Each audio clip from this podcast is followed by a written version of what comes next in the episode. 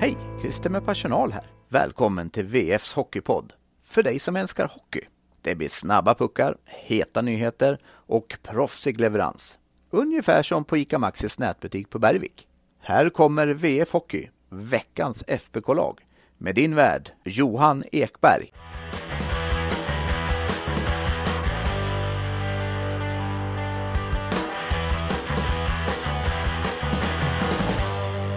Nollat mot Luleå innan jul, men sudden-seger efter jul på annandagen. En Magnus Nygren-julklapp, en Karl Jakob-sorti och en Theodor Lennström-återkomst. Ni hör, vi har ju en massa att snacka om. Så det är med glädje jag säger god fortsättning till er och god fortsättning till dig, Karl Oskar Lysander. Tack så mycket, detsamma får väl jag Ja, säga hur har, ja, min, min jul har ju varit eh, nedbäddad i feber och så vidare. Hur har din jul varit? Ja, mycket jobb. Mycket jobb? Mm. Någon måste göra det också. Exakt. Vi kan väl säga att det var tur att det var du som hade julen på ditt schema i år så att det inte var jag och det hade behövt någon rycka in i kris. Mm.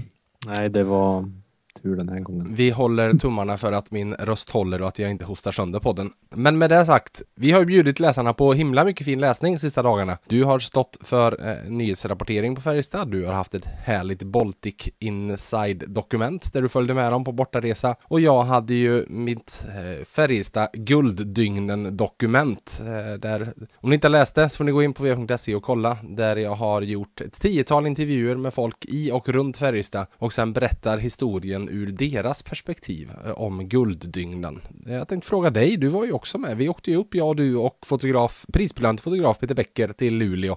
Vilket är ditt bästa minne av hela guldresan? Nej, men det var väl att man fick se så mycket bra ishockey. Mm. Mm. Det var ju ett extremt eh, hektiskt. Det var ju match eh, varannan dag i stort sett. Det var långa serier och eh, det var inte mycket dödtid för då var det ju däremellan nyhetsrapportering från, från träningar också. Mm.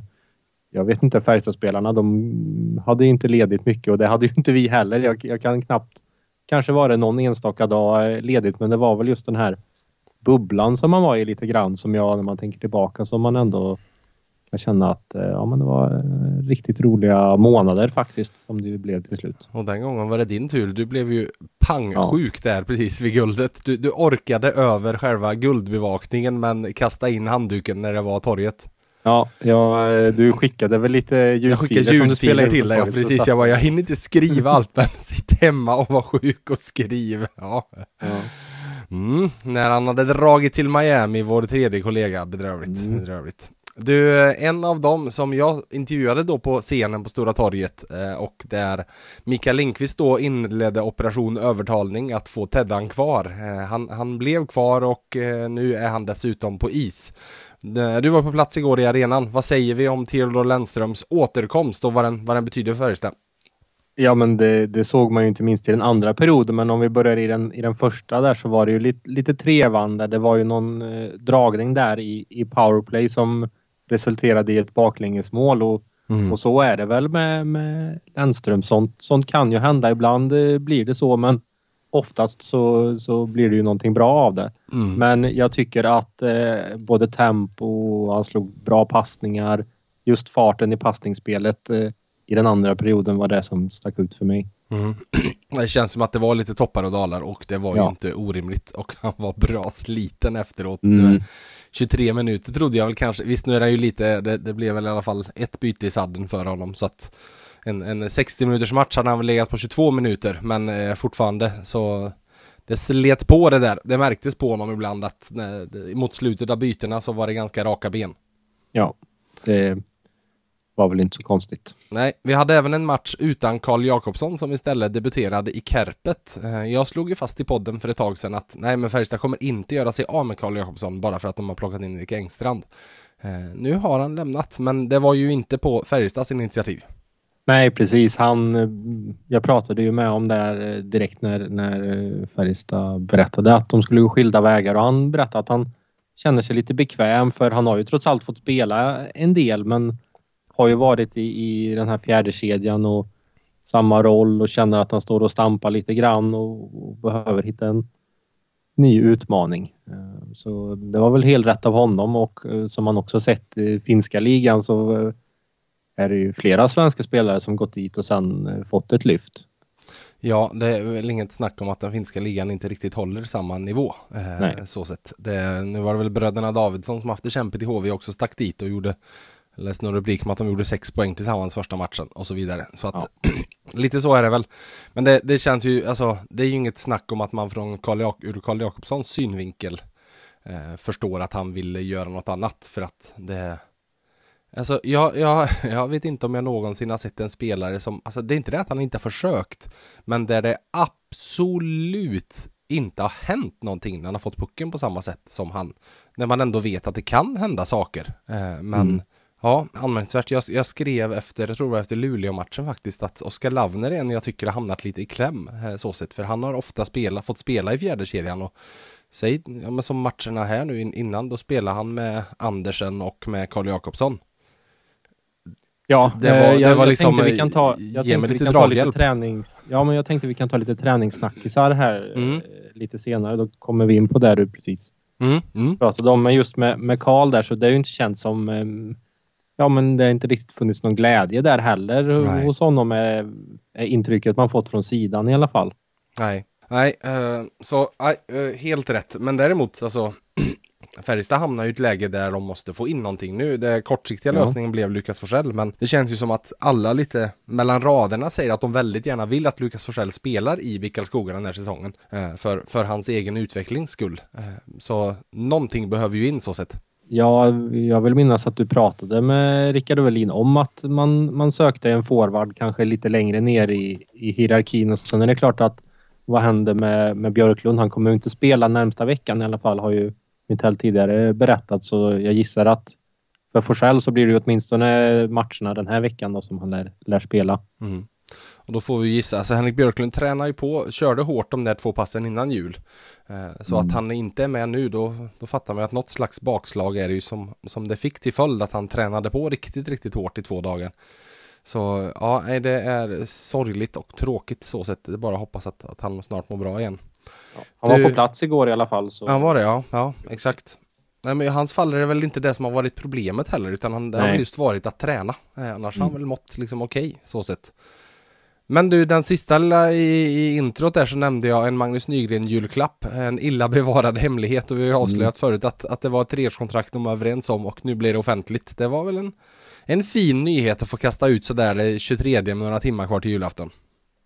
Ja, det fanns väl inget att spara på heller när, när ja, man får väl säga att det var Davos som drog igång det här lite ja. grann när de gick ut med att han inte skulle vara kvar. Och, att och han dessutom skrev att han skulle flytta hem till Sverige. Ja, precis. Ja. Så, ja. Man behövde ju inte vara någon detektiv för att lägga ihop ett och ett. Nej, exakt. Nej. Va, va, hur ser du på en Magnus Nygren återkomst? Så vi bara ska landa in den det sista innan vi går på veckans lag.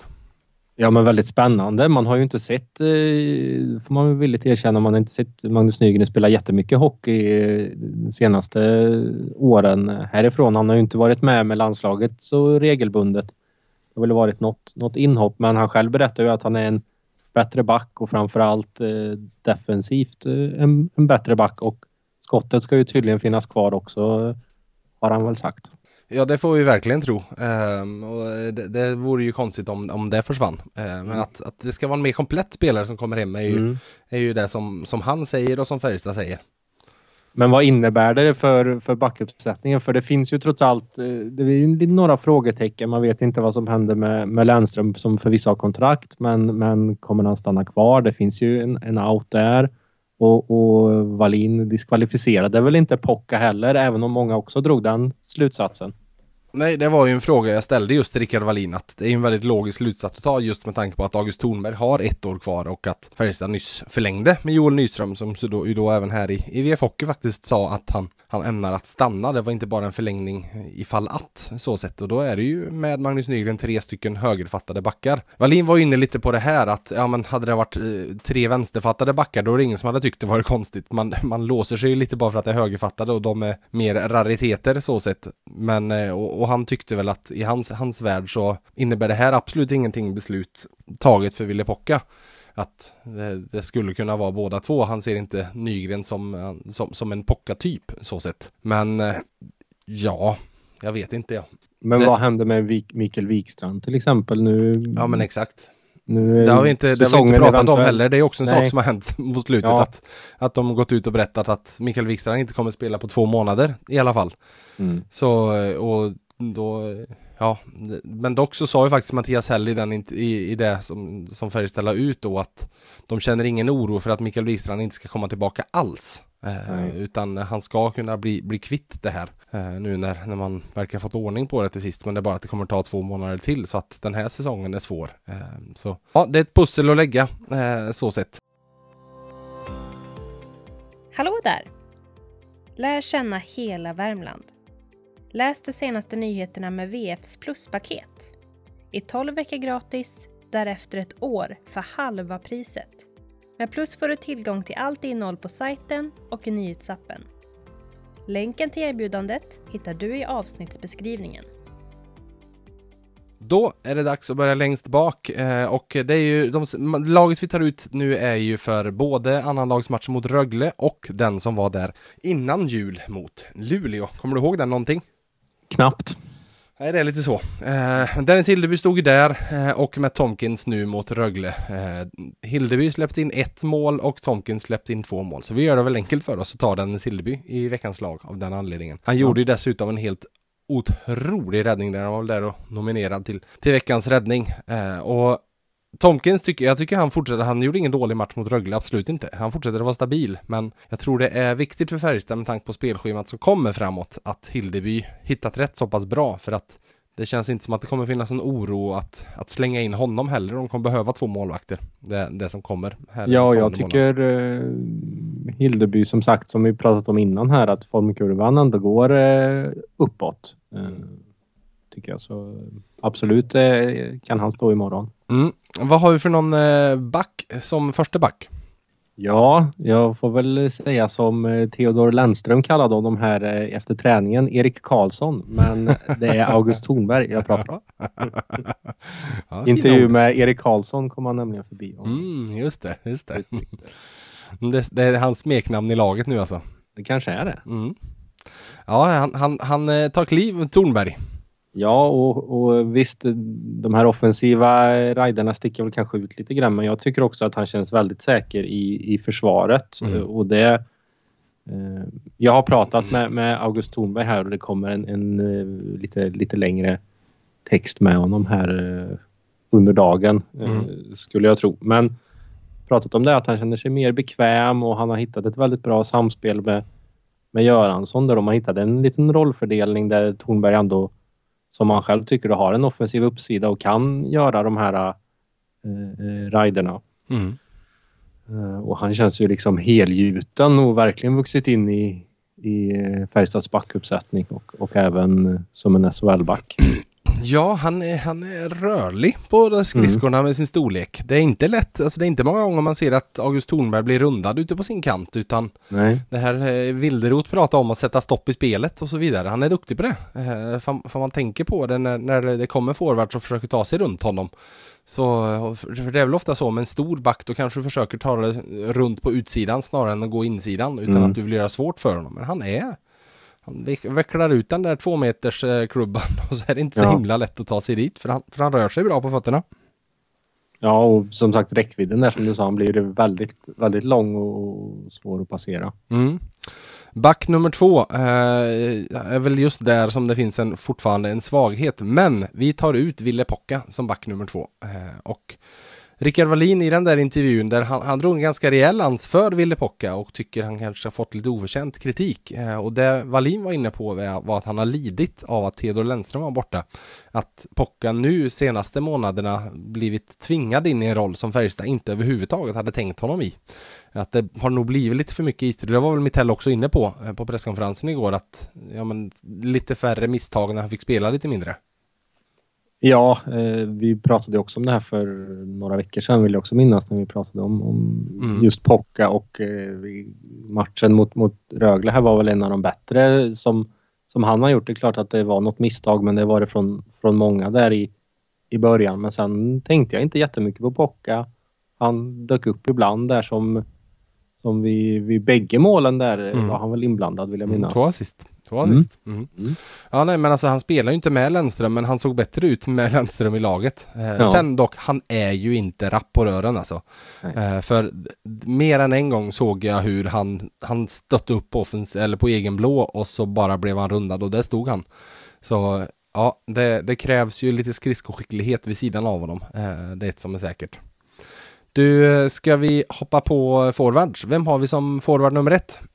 Ja, men då har jag valt Joakim Nygård. På tal om skridskoskicklighet, säg. Ja, exakt. Tagit över som kapten här. Eh, Vi får väl se om han får eh, fortsatt förtroende, men jag eh, tycker att han faktiskt har höjt sig.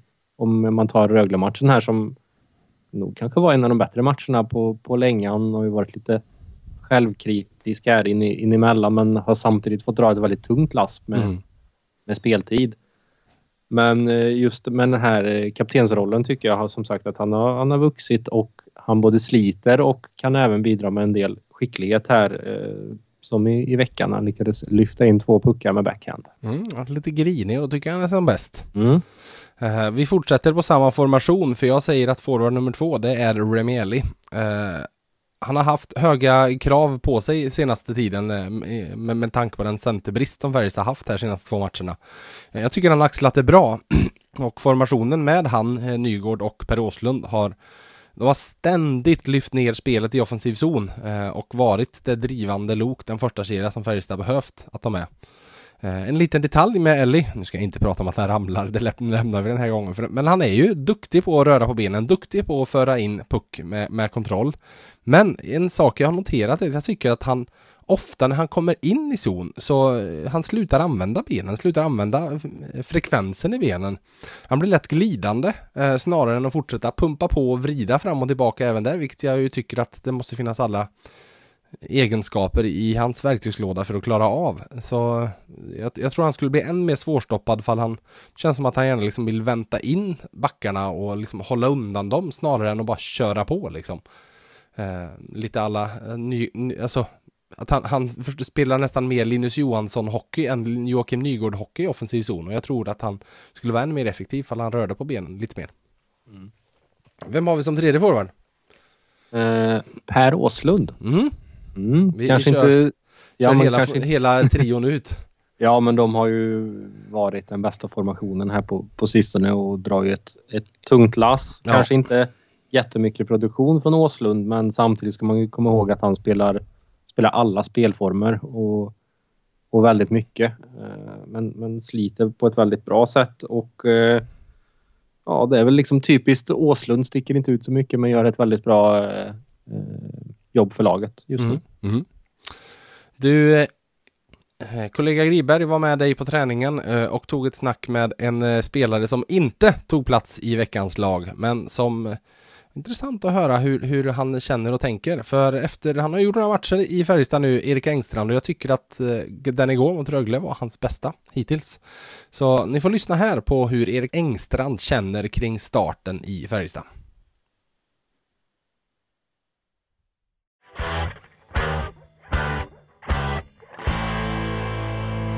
Engstrand eh, pustar ut eh, dagen efter annandagsfesten eh, några timmar senare. Han du, han, han, han du få lite sömn efter gårdagen. Det var ju en jäkla ho- holmgång där. Ja men det, det blev lite som en tidig match man hinner ju hem och ta det lite lugnt efter så eh, han får i mig några timmar i natt i alla fall. Mm, annars har mm, mycket tyder på att du får ett litet eh, miljöombyte nu när, eh, när Viktor Ejdsell är tillbaka. Idag tränar du med, med Lukas Forsell och eh, Patrik Lund. Hur, hur ser du ifall det skulle bli en sån uppsättning mot, eh, mot, mot Leksand här? Nej, det är ju bra. Eh, Forsell gjorde ju mål igår så det, han är väl någon som kan göra mål i alla fall och Peppa har ju spelat med nu eh, i två matcher så det, nej, men det, känns, eh, det känns ändå bra. Ejdsell är en bra spelare liksom. Han, han ska in och köra så det, det är väl eh, bara att gå ut och, och göra sin eh, grej imorgon igen. Mm, och eh, du har ju inte heller saknat eh, lägen här sedan du kom till Färjestad, förutom målen som jag antar att du, du tycker kanske, kanske fattas. Hur, hur ser du på din, din tid i klubben? hittills? Nej, men jag tycker det har gått bra. Det är som du säger, där, målen, eh, målen som saknas. Lite poäng också, assist och så. Men det, han det kommer. Det är väl bara att gnugga på så får man ta, ta det som det kommer. Det är ingenting man ska åka och, och störa sig på. Då blir det aldrig bra. Så bara gnugga på och, och ut och, ut och köra igen. Mm. Hur mycket skillnad blir det för dig annars då att få spela i en eventuell eh, fjärdekedja kontra en, en eh, andra, andra tredje för, eh, för personer? Nej men det väl lite, lite mer eh, defensivt. Jag tycker vi har haft eh, de här två senaste tycker vi har varit bra bakåt eh, i vår kedja och Peppe är ju sjukt bra där bak så det är kanske lite mer förtroende i den defensiva och det, det får man bara köpa och liksom gå ut och göra det bästa av det. Hur ser det annars då inför mötet här hem, hemma, hemma på Leksand? Ännu en utsåld arena som väntar. Men det är ju kul och det såg man ju igår liksom. Det är bra tryck på läktaren och det ger en en boost. Uh, blir lika, eller jag känner det i alla fall, man blir inte lika trött när det är mycket folk på läktaren uh, som hejar på en. Så det, det är självklart jättekul.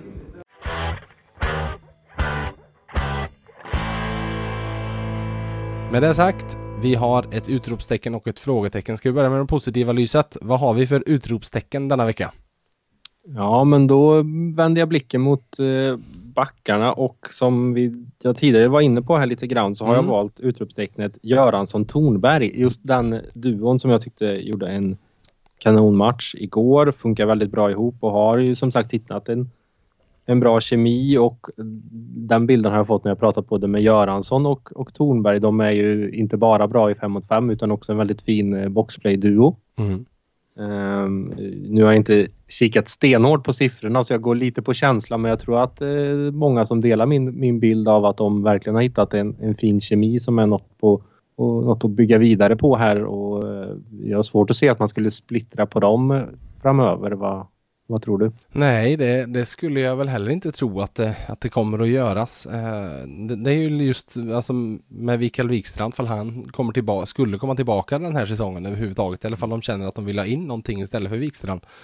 När, när, ja, fall de räknar bort honom helt och hållet. Men, Men eh, just backvärvning där har, har väl eh, Wallin sa väl till och med att i de bästa världarna hade man hittat en rak ersättare och då pratar man en liksom 200 000 kronors plusspelare då eller vad? Ja, alltså en topp-topp-back. Eh, Mm. Det känns ju som att lite alla som Lennström kom in och kryddade det i fjol. Eh, Alltså, jag skulle väl säga så här att ja, men en, en eh, vänsterfattad topp 2-back och ställa in bredvid Ville Pocka.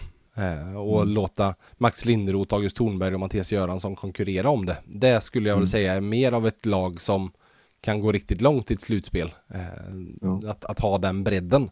Att faktiskt kunna åka på någon skada. Eh, August, Axel Bergqvist blev ju den som blev satt åt sidan nu men eh, i ett slutspel än- i den här säsongen så har jag ju svårt att se att Axel Bergqvist ska vara en spelare som går in och gör skillnad på något sätt. Utan då, då tror jag väl att det ligger ett år framåt i tiden. Och han är ju ett l- längre projekt så sett. Så.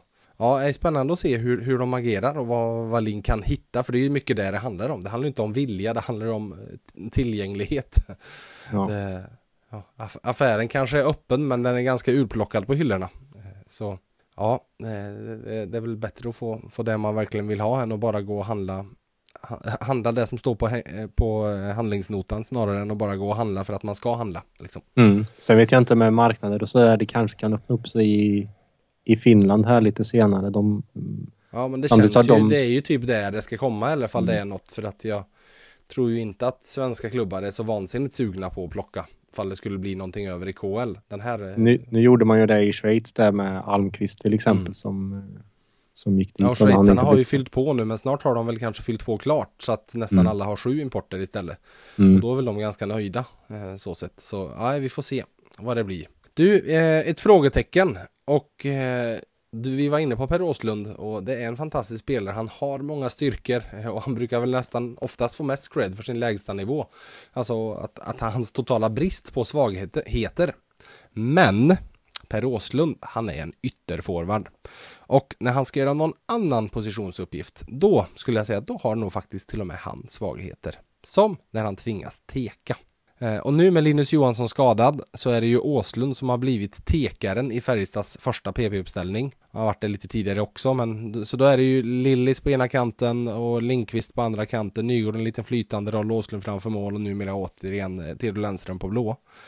Och sen något år tillbaka så börjar ju varje PP med att man får teka i offensiv zon oavsett var det har blåsts av innan eh, powerplayet tar sin början. Och med Åslund som tekare så han vinner inte ens en av tre. Och därmed får Färjestad börja nästan varje PP med att försöka vinna tillbaka pucken alternativt åka hem i egen zon och hämta den och därefter eh, försöka ta sig in i offensiv zon mot fyra sammankopplade gubbar som gör allt för att försvara. Eh, jag vet inte, jag, jag ser ingen riktigt bra lösning på hur de ska lösa det här heller för att Alltså Remeli är heller ingen vidare tekare. Ja, Westfält är helt okej. Men alltså, ska du kasta in honom och ta tekningen då, då blir det fortfarande i två perioder. Du vill ju kanske inte ha kvar honom sen i PP. Du vill ju ha in Åslund med hans, eh, det är med hans du, egenskap. Ja men kanske du får ha Ejdsell i båda uppställningarna då. Ja han är heller ingen supertekare. Eh, Nej men då jämför med han är väl den bästa tekaren. Ja, nej men det kanske är, är något sånt. Eh, kanske fall Henrik Björklund skulle komma tillbaka. Han var ju en ja. lösning lite där, speciellt ja. i högra tekningscirkeln så har han ju varit effektiv. Där är han liksom uppe på i offensiv zon på, på 50 vunna tekningar. Mm. Så kanske om det fall skulle kunna vara. Men eh, vi kan väl säga att det är ett frågetecken och det är ett problem för Färjestad att de aldrig när väl powerplay ska starta får börja med pucken utan nästan hela tiden måste börja med att åka och hämta den och ta sig in i zon mm. och så har 20 sekunder försvunnit så sett. Ja. Du, eh, veckan som kommer då? Vi har ju match ja, redan tänkte, i, ja, eller hade du ja, något mer? Ja, men jag tänkte, jag lovar ju lite träningssnackisar här som man ändå kan. Du, din eh, cliffhanger från tidigare i podden, jag får inte glömma. ja, du pratade ju om eh, Engstrand där som mm. du tyckte gjorde sin bästa match på träningen idag så hade de ju bytt plats då på Engstrand och Lavner. Just och det. även stoppat in Ejdsell så det var eh, Ejdsell, Viksten och Lavner och så mm. var det Forsell som ju blir kvar här som vi var inne mm. på tillsammans med Lund och Engstrand. Just det. Mm. Möblera dem lite. Men det känns, alltså Oskar Lavner var ju en av Färjestads bästa spelare igår tyckte jag. Ja, eh, att, och eh, ska väl premieras för det och när matchen stod och vägde där så spelar de ju Lavner lika mycket som, eh, som Viksten. De eh, roterade lite på de två och, och gick ganska hårt på tre formationer. Mm. Ja men de, de rullade väl på tre formationer med Lavner, Viksten och Engstrand som snurrar runt. Engstrand stod också över något byte där. Mm. Eh, så att det känns som att de snurrar runt på de tre liksom ja. bredvid Peppelund i den. Men det blir ju ett annat, en annan balans i allting med att få Victor Rizell in i laget. Det är ju inget snack om det. Nej, han, eh, han kan spela många minuter och, och sådär så det, det blir viktigt. Ja, speciellt med, med Johansson borta som sagt. Mm. Eh, Leksand onsdag hemma, eh, Färjestads sjätte raka hemmamatch sen Oskarshamn borta fredag. Eh, vi kan väl säga så här, Färjestad har ju spelat fem raka hemmamatcher. De skulle kunna ha tagit 15 poäng på dem. De har tagit sju. Eh, skulle de vinna imorgon så är det 10 av 18 och vad säger vi? Det är väl nästan ett krav, alltså det är väl nästan ja, minimum för att på något sätt vara godkänt att de landar på 10 av 18 på hemmamatcher, sex stycken. Ja, um, ja det, det, krävs ju i alla fall, men jag vet inte. Nu, ja, Leksand har ju inte visat någon superform här. De förlorade ju mot, eh, mot Timrå som för övrigt eh, tränade i Karlstad idag. Timrå faktiskt. Mm -hmm. Vidare mot... Eh, Ante hade styrt. Ja, förmodligen. Mm. Känns som man har lite connections. Ja, kan vara så. Och även Oskarshamn ju, om man tittar liksom eh, i tabellen med poäng och sådär. Det är rätt tajt och många lag som eh, där nere sen, som nog är lite stressade och spel, börjar faktiskt spela för, för överlevnad även om det är många matcher kvar. Mm. Så det kan ju såklart ha, ha en påverkan på, på saker också. Ja, ja men så är det. Eh, det känns som att det kommer att vara, alltså det är alltid mycket läxingar på plats eh, i, mm. i Karlstad när det är match. Eh, men det känns som det kommer vara väldigt mycket imorgon med mellandagar och allting. Så det kan nog mm. bli högljutt och livat åt två håll känns det som. Absolut. Du, ska vi säga tack för 2022 och säga att vi hörs igen 2023? Ja, det säger vi tack för 2022. Mm. Lysande. eh, till er lyssnare, vi säger gott nytt år och ha det gött!